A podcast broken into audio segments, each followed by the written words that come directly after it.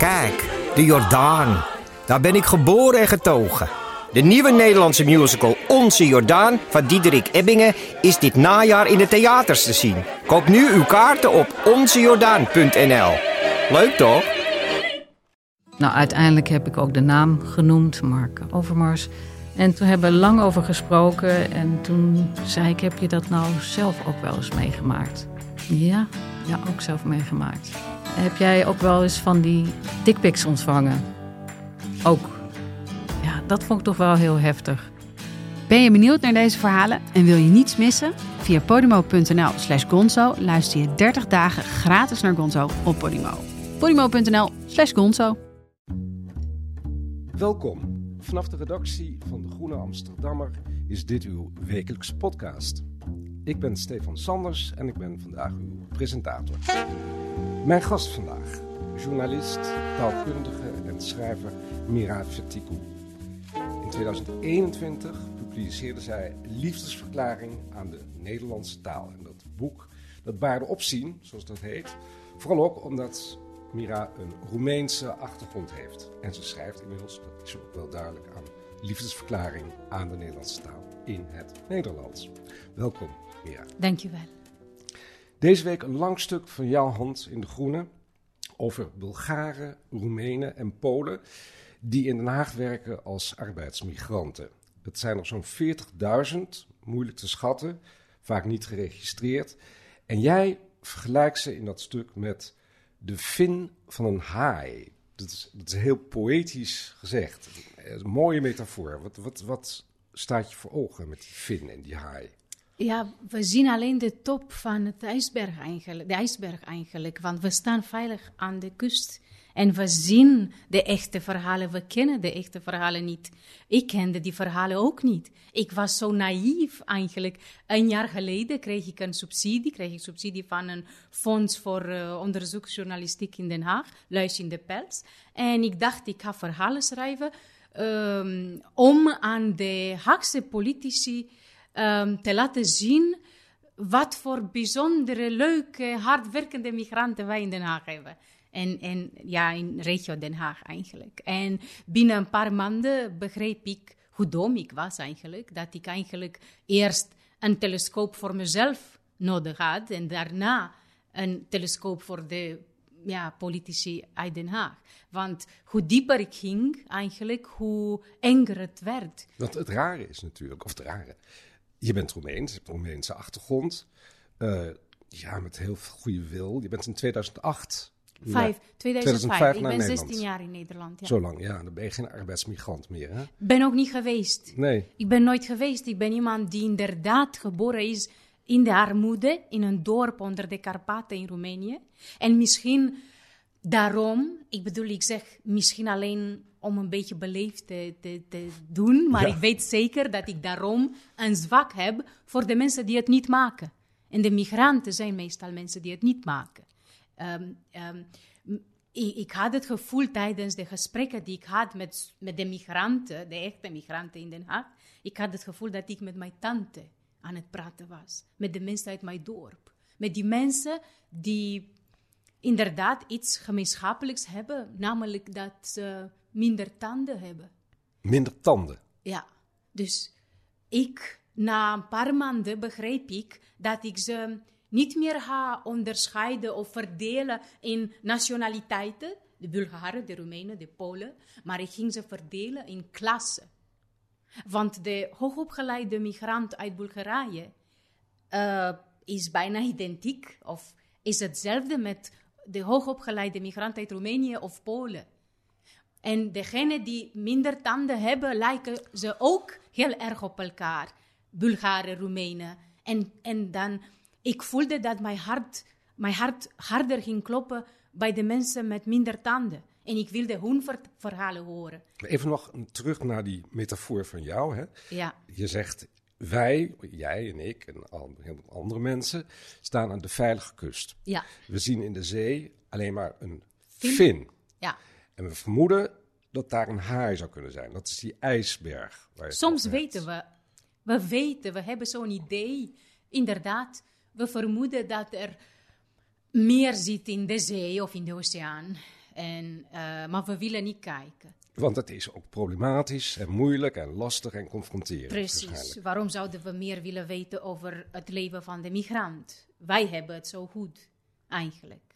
Je zei net, in 2005 uh, kwam je naar Nederland. Ja. Op een hele andere manier, want jij was al gepromoveerd. Ja. Je had Roemeense uh, talen gestudeerd. Ja, ik, Uh, ja. ja, ik heb altijd kansen gekregen in mijn leven. En ik heb die kansen gepakt, ja, altijd. En eigenlijk kom ik uit de armoede, maar ja, kan ik me niet vergelijken met een migrant. Ik heb de migratie, ik maak mee, ik zal mijn hele leven de migratie meemaken. Het is een proces van het leven. Maar um, ik kan me niet vergelijken met uh, een migrant uh, die nu in de kassen zit vanaf vier uur in de ochtend, daar in De Lier of in het Westland. Dus het is geen vergelijking tussen ons. Nee, dat, dat snap ik ook. En dat zou ook hoogmoedig zijn hè? als je zegt, oh, dat is allemaal hetzelfde. Tuurlijk. Maar je hebt natuurlijk toch een hele zware migratieervaring meegemaakt, namelijk dat je je taal moest achterlaten of hebt achtergelaten, het Roemeens. Ja, als ik zo eerlijk mag zijn, wil ik jou vertellen dat mijn migratie op mijn dertiende begon, want ik werd gestuurd naar een internaat in Roemenië. Dus Communistisch ik, Roemenië nog. Ja, ja, ik werd weggestuurd vanuit ja, mijn dorp, moest ik naar een internaat gaan en ik werd gerukt uit mijn dorp. Het was alsof ik het paradijs achterliet. Hè? Hoewel we arm waren, toch was daar mijn familie, uh, mijn, mijn nichten, die, die mensen van wie ik nog steeds hou. Dus mijn migratie begon toen. 13 was je. 13. Na het internaat in Precies. Roemenië. Ja, en, en ik heb altijd gedacht dat ik deze migratie, uh, de tweede migratie, aankon, omdat ik al weg was eigenlijk. Op een of andere manier kon ik niet meer terug naar mijn dorp. En dan kon ik alleen maar door en door gaan. En dan ontmoette ik een Nederlander, uh, um, mijn man, dus mijn toekomstige man, uh, bij de universiteit. Hij was mijn klasgenoot. En gingen wij, we kregen een dochter en dan gingen we naar Nederland. Dus. En wat zie nou, je hebt dus die arbeidsmigranten gesproken, je hebt ze uh, gezien, je hebt ze met ze meegeleefd. Was het nou een voordeel dat, dat jij, uiteraard Roemeens spreekt, maar dat je dus ook een migrant ooit zelf bent geweest? Um, voor mij, denk ik, was wel een, voor mezelf een voordeel. Want ik wist, ik, ik durf te zeggen dat ik ze begrijp. Dat ik, of tenminste meer begrijp, omdat ik de verhalen, of veel van de verhalen ken. Wij allemaal, of tenminste bijna allemaal, zijn een beetje bang. Wat gaat met ons worden als wij over twee jaar geen baan meer hebben? Geen huis, geen... Ik heb een vriendin die mij elke week vraagt...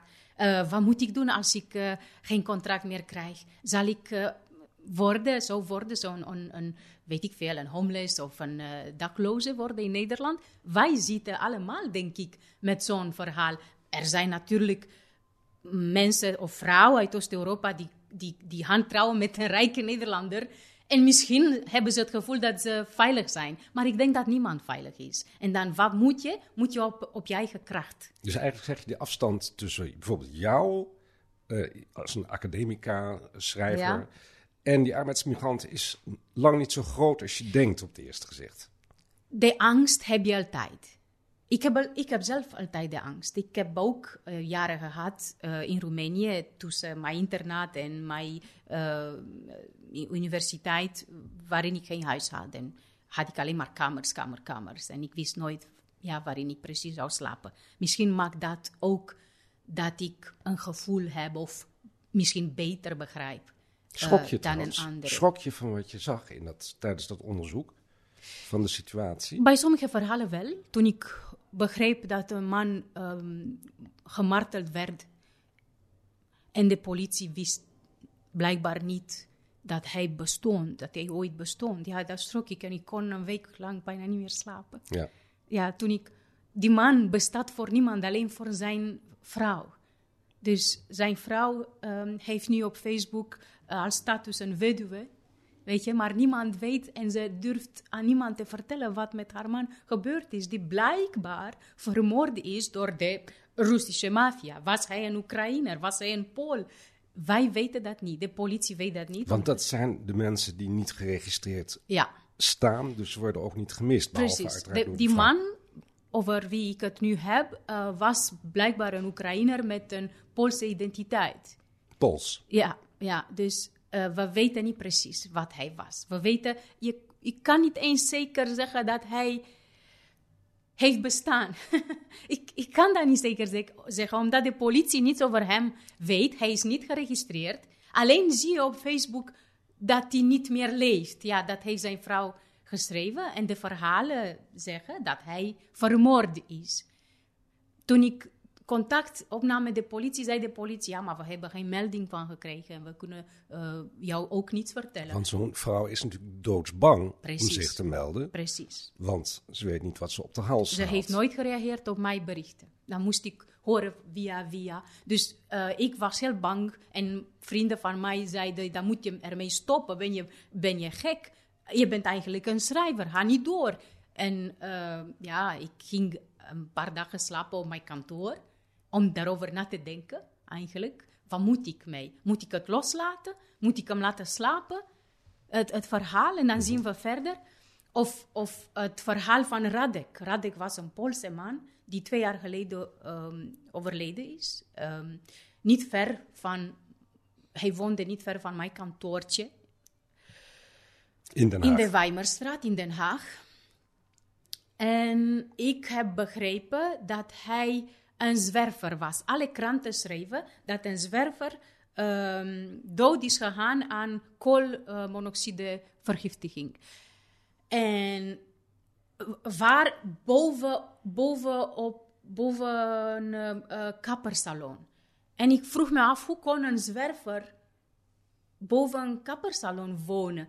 En toen ging ik vragen en vragen. En iemand zei, maar hij was geen zwerver. En toen dacht ik, ik wil wel weten of Radek een zwerver was of niet. En ik begreep uiteindelijk, negen maanden later, begreep ik dat hij een zwerver was, dat hij huur betaalde. Hij betaalde niet regelmatig, maar hij betaalde huur. En toen wist ik dat ik zijn portret wilde schrijven, om dat recht te zetten. Om te zeggen, Radek is misschien de man zonder eigenschappen. We weten, nu weet ik dat hij veel dronk, dat hij geen tanden had. Daar heb je het weer. De klasse, de tanden. Precies, Hoog opgeleid. precies. Banen, goede tanden. En Precies. hij dus Precies. tanden. Maar hij betaalde huur. Ja. En, en ik heb met veel mensen eh, afgesproken die theoretisch over hem dingen wilden vertellen. Die mensen kwamen nooit naar de afspraak. Negen maanden lang dacht ik, ja, het zal niet worden. Ik voelde me bijna schuldig. Ik, eh, ik liep in Den Haag, in onze wijk, en ik dacht... eh, ik, ik, ik hoorde mezelf denken, op wie zou Radek lijken van al deze mensen die hier rondlopen.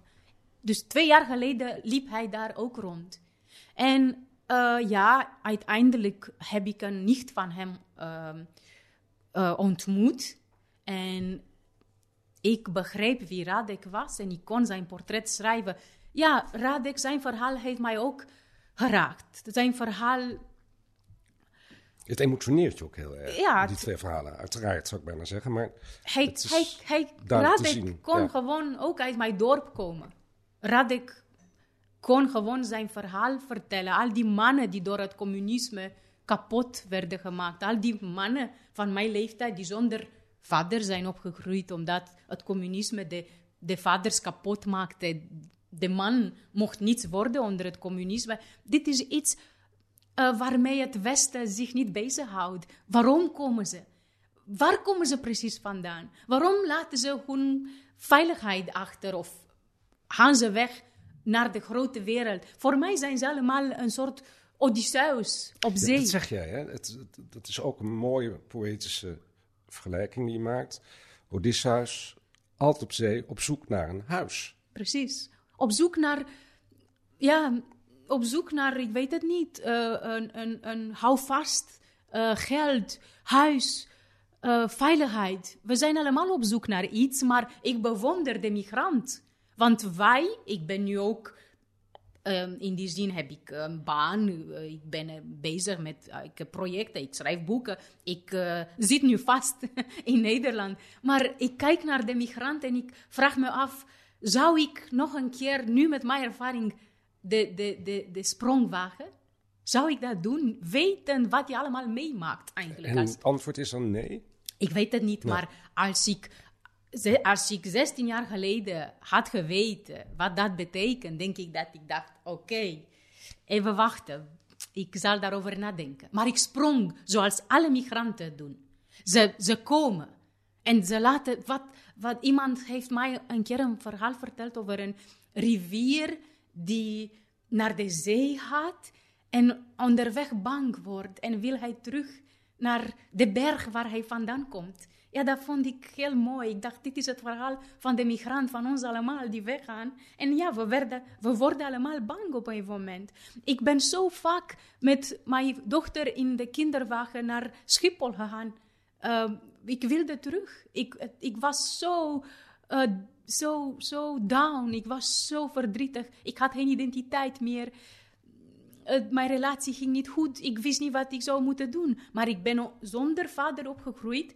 En ik beloofde mijn kind dat zij een vader zou hebben. Je zegt ook heel duidelijk, onder het communisme werden de vaders als het ware afgeschaft. Ja, Want de communistische partij was de autoriteit en dat kon dus nooit de vader zijn. precies, precies. De vaders, ze hadden geen kans. Je ziet dat, je vraagt je af, ik heb me afgevraagd, waarom drinken die Poolse mannen zoveel?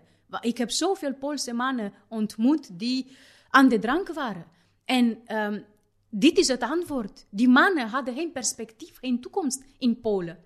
Die mannen gingen weg of eh, eh, vonden hun toevlucht tot alcohol eigenlijk. Zijn er ook Namen nog voor verschillen tussen, je zegt eigenlijk al dat je die eh, Bulgaren, de Polen en de Roemenen hebt onderzocht. En je zegt, ik zie veel meer de klasverschillen, dus de Ja. mensen met of zonder tanden, dan de nationaliteiten. Precies. Zijn er toch verschillen die je hebt gemerkt? Ik, ik weet bijvoorbeeld, dat schrijf je ook ergens, dat in onderzoeken, officiële onderzoeken staat, Bulgaren praten niet. Ja, dat vond ik zo. eh, het was wel moeilijk om Bulgaren te vinden. Ik dacht, er zit geen Bulgaar in Nederland. Eh, dacht ik na vier maanden zoeken en zoeken en proberen interviews te maken met Bulgaren. Je had een tolk. Ik had meer tolken. Tolken had ik, maar niet de, die migranten die naar de kassen gingen. En drie jaar geleden ben ik eh, eh, naar eh, een plein om vier uur in de ochtend naar het Paul Krugerplein in Den Haag om Roemenen te spreken. Ik vond toen geen Roemeen, maar wel Bulgaren. En ik dacht, ik ga, ik ga weer naar het Paul Krugerplein eh, om Bulgaren te vinden. En ik heb inderdaad wat Bulgaren gevonden. Om half vijf stonden ze daar klaar om op de busjes te wachten. En die gaan dan naar de kassen. Die gaan in de Lier, Het Westland. Ja, in het Westland, naar de kassen.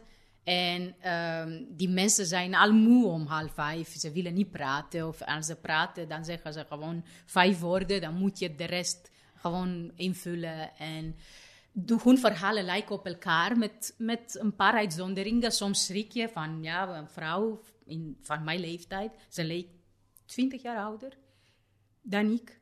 Ze had mijn leeftijd. Ik kon dat zien, dat ze toch jonger was. Aan, aan kleine details. Aan- was Roemeens of zij was ze was Bulgaars. Bulgaars? Ja. Ja. En zij vertelde, de, de vertaalster, dat haar man in de gevangenis zit hier in Nederland en dat haar man ehm, ja, iets heeft gedaan in Bulgarije. En zij moest werken om de advocaat te betalen en hun leven hier. En je zag die vrouw die net zo klein was als ik. En met een grote jas aan om vier uur in de ochtend. Dan ging ze werken, ze had kinderen in Bulgarije. Ging ze hard werken om een man te redden. Dat doet, dat doet iets met jou. Dat doet wel iets met jou. Je gaat naar huis en je zegt, ik kan nog een uur slapen, omdat ik om vier uur wakker ben geworden. Ik durfde niet te slapen. Ik dacht, die mevrouw gaat nu naar de kassen. En dan staat ze de hele dag eh, werken, hard werken, weten dat ze het geld moet verdienen. Ja, zulke verhalen doen wel iets met jou. Ze lijken op elkaar, de verhalen, en toch niet. Hoe dieper je gaat, hoe meer hel. Ehm, dit zijn de Bulgaren. Ik heb ze moeilijk kunnen vinden, maar ik was zo blij verrast met hun blijheid. Het is een blije natie, zou ik kunnen zeggen. Ehm, ze hebben het ehm, niet breed, maar ze maken, ze, ze worden ze, ze, ze, zijn vrolijk, ze hebben uh, humor, ze vertellen hoe moeilijk ze het hebben, vinden ze wel iets waardoor ze uh, de, de, de zonnige kant van de tuin zien, van, van het leven. Je hebt zien. ook een onderzoeksvragenlijst aan 70 mensen Ja, uitgedeeld. volgens mij meer dan zeven. Of ze hebben nog in ieder geval een heleboel Ja. mensen die je Ja. hebt gesproken. En vraag 10 luidde, eh, was een vraag naar de Ja. onaangename ervaringen Ja. met Nederlanders in Nederland. Niemand wilde eh, deze vraag beantwoorden. En Terwijl al je verhalen, ja, nou het woord onaangenaam is een eufemisme, Ja, precies. Ja. precies. Ze, ik, en ik heb uiteindelijk heb ik een Poolse vrouw gevraagd op een avond. eh, waarom wil je eigenlijk vraag 10 niet beantwoorden? En ze zei, ja, maar we hebben allemaal moeilijke dingen eh, meegemaakt hier. Maar waarom zou je dat vertellen? We willen het toch eh, leuk hebben. En ik dacht, zij wil gewoon de, de, de, de, de, de goede kant van haar emigratie zien. En zij was eh, jonger dan ik en ze was al twee keer oma. Wat die vrouw had allemaal meegemaakt. Ehm, eh, gescheiden, eh, ze moest in haar, zich in haar eentje redden in Nederland. Ehm, een Bulgaarse vrouw, Pavlina, een hele.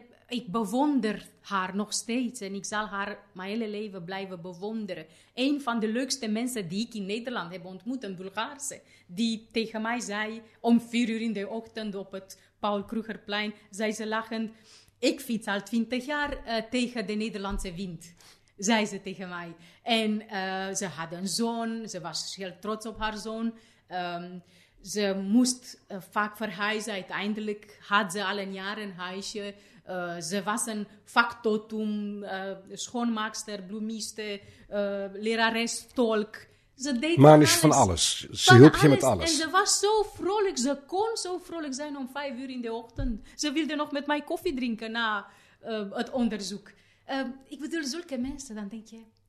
Is er, ik wil er niets aan afdoen, hè, want je hebt die verhalen geboekstaafd. Er zijn natuurlijk ook heel veel mensen die zeggen: ja, maar luister eens, ehm, gaan die mensen wel weer terug? Ja, dit was eigenlijk het thema van mijn onderzoek in het begin, tot ik de echte verhalen hoorde. Eh, gaan ze terug? Ehm, ja, iemand van ehm, Bart Plaatje van FNV, de vakbond, heeft tegen mij gezegd: een derde eh, komt voor avontuur, een derde eh, om te werken en een derde wil blijven, zoiets. Ja. Ehm, Het is dus helemaal niet leuk voor de meeste mensen in Mensen- Nederland, maar ze hebben waarschijnlijk financieel geen keuze dan hier te werken. Ja, Is dat natuurlijk niet. Ja. Natuurlijk niet. En ik denk dat het, als wij ons afvragen, gaan ze terug, dan zijn wij naïef. Want die mensen komen niet om te blijven. Die mensen hebben geen tijd om de taal te leren, om eh, zich in te burgeren. Die mensen willen werken, geld verdienen en teruggaan naar hun families. En de, de, de angst van de politicus is belachelijk. Van de Nederlandse politicus. Angst dat die mensen hier blijven. Ik, ik Eh. moet even, eh, dat, want dat moet ik noemen. Dit is zelfs een woord geworden. Bulgarenfraude-affaire. Ja. Dat was hè, hè, nog voor de toeslagenaffaire, die later heel groot werd. Maar de Bulgarenfraude Ja. is eigenlijk het begin geweest van die hele toeslagenaffaire die boven tafel is gekomen. Ja, dat klopt. Ik heb het nooit goed begrepen, jij wel, hoe dat zat? Ja, die komen met. eh, ze, ze, ik, ik heb iemand ontmoet die in mijn ogen dat deed. Hij was zo leuk en vrolijk. En dat ik dacht, ja, doe maar wat je wilt. Maar wat- als wat de deed? Nederlandse autoriteiten dat accepteren. wat, wat deed hij dan? Hij, ja, hij was ten eerste 20 jaar illegaal hier. Daarna werd hij legaal, kreeg hij papieren. Dan eh, haalde hij zijn schoonmoeder, zijn schoonvader, zijn hele schoonfamilie uit eh, Bulgarije. En dan kregen die mensen ook eh, uitkering. En, en die mensen zaten niet eens hier. misschien twee, drie maanden per jaar. Want die schoonmoeder zei in Bulgarije is de winter winter en de zomer zomer. Daar doet mijn lichaam geen pijn. En als ik in Nederland ben, eh, doet alles pijn. Maar ze had wel een uitkering uit Nederland. Dus eh, dit is fraude. Ja, maar ik, ik, ik weet niet wat ik moet zeggen. I- iedereen probeert wat. En hoe lang de wet dat tolereert, ik weet het niet. Maar jij zei vooral ook dat de politici in Den Haag, Ja. die verwijt je dat ze helemaal geen oog hebben voor de arbeidsmigranten. Nee, ze, ze hebben een telescoop nodig. Ik denk dat ik dat ook opgeschreven heb. Ze hebben een telescoop nodig om de migranten te zien. Ik herinner me dat ik bij een protest eh, zat in Den Haag op het plein van de migranten. Er zaten daar migranten uit alle landen, eh, migranten met zulke moeilijke verhalen. Het was zo koud buiten en dan zaten wij daar drie uur. Ik schaamde me om weg te gaan. En ik was zo dik gekleed en zij waren zonder mutsen, zonder sjaal, zonder handschoenen. En dan stonden ze daar om hun verhaal te vertellen. En dan kwam er een uur later kwam er een politica die wel zo'n vraag stelt. Ja, wie zijn jullie? En waarom zijn jullie naar Nederland gekomen? Ja, ik schaam me voor zoiets. Want als je naar buiten komt, wil je, wil je met een oplossing komen. Wil je met een antwoord voor die arme man die daar staat in de kou en zegt: Ik heb mijn salaris al tien maanden niet gekregen. En ik, er was een Portugees die in een paar maanden in 22 huizen gewoond had. Gelogeerd, weet ik veel. Want jouw grote verwijt is eigenlijk ook, en dat komt heel mooi uit in het verhaal, of ook heel treffend, is het dat we er langs heen kijken, niet alleen politici, maar de meeste mensen, ja. Dat we eigenlijk die parallele werkelijkheid helemaal niet kennen. Omdat Tuurlijk. we ook bijvoorbeeld maar heel gewoon. Precies. Mensen staan heel vroeg op, wat je net al zei. Precies. Om vier uur, vijf Precies, uur ja. staat één deel van Den Haag op. Terwijl het andere, het rijkere deel, denkt van Die- nou, die- acht uur, negen Precies, uur. die slapen nog. Dat zei een Bulgaarse tegen mij, Pavlina. Zei tegen mij, we waren om zes uur terug naar de stad. Ehm, eigenlijk, we waren in, om vier uur ook in de stad, maar andere kant van de stad. En, en Pavlina zei tegen mij, deze mensen, dus daar op het plein, eh, houden de stad draaiende. Dus die mensen, en die, die, die kant van de stad was inderdaad verlicht en iedereen was wakker. En dan gingen wij twee uur later terug naar de land van Meerdervoort. En, Ook in Den Haag? ja, ook in Den Haag. Ja, ja. Vijf minuten verder fietsen eigenlijk. En die, die, die was nog in het donker. Die kant sliep nog. En dan denk je, ja, ik zie wel duidelijk het verschil. Ik zie wel wie werkt hard, wie hard werkt hier en wie om acht uur nog, of zeven uur, het was wel in de winter, slaapt. Ja. Wat, wat moeten de Haagse politici doen?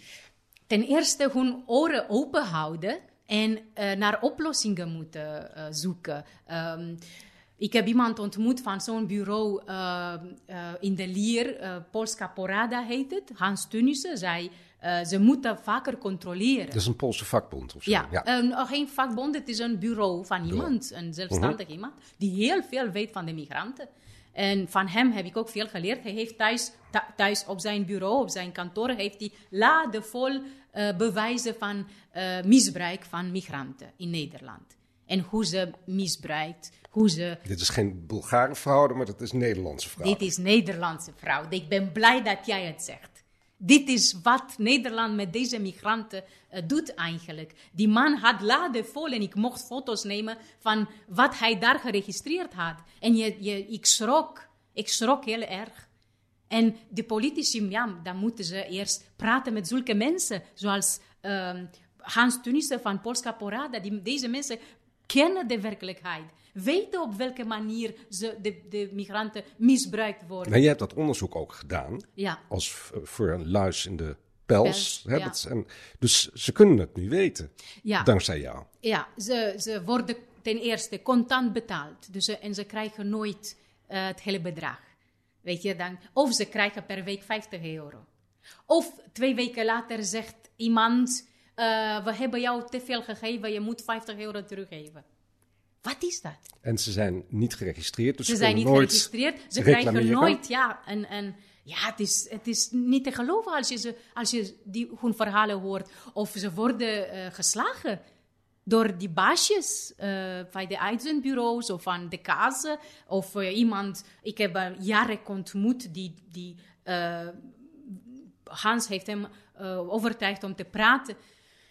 En Jarek zei dat hij een, zo'n eh, eh, ehm, syndroom, een posttraumatische stresssyndroom had. En hij ging hier naar de psycholoog.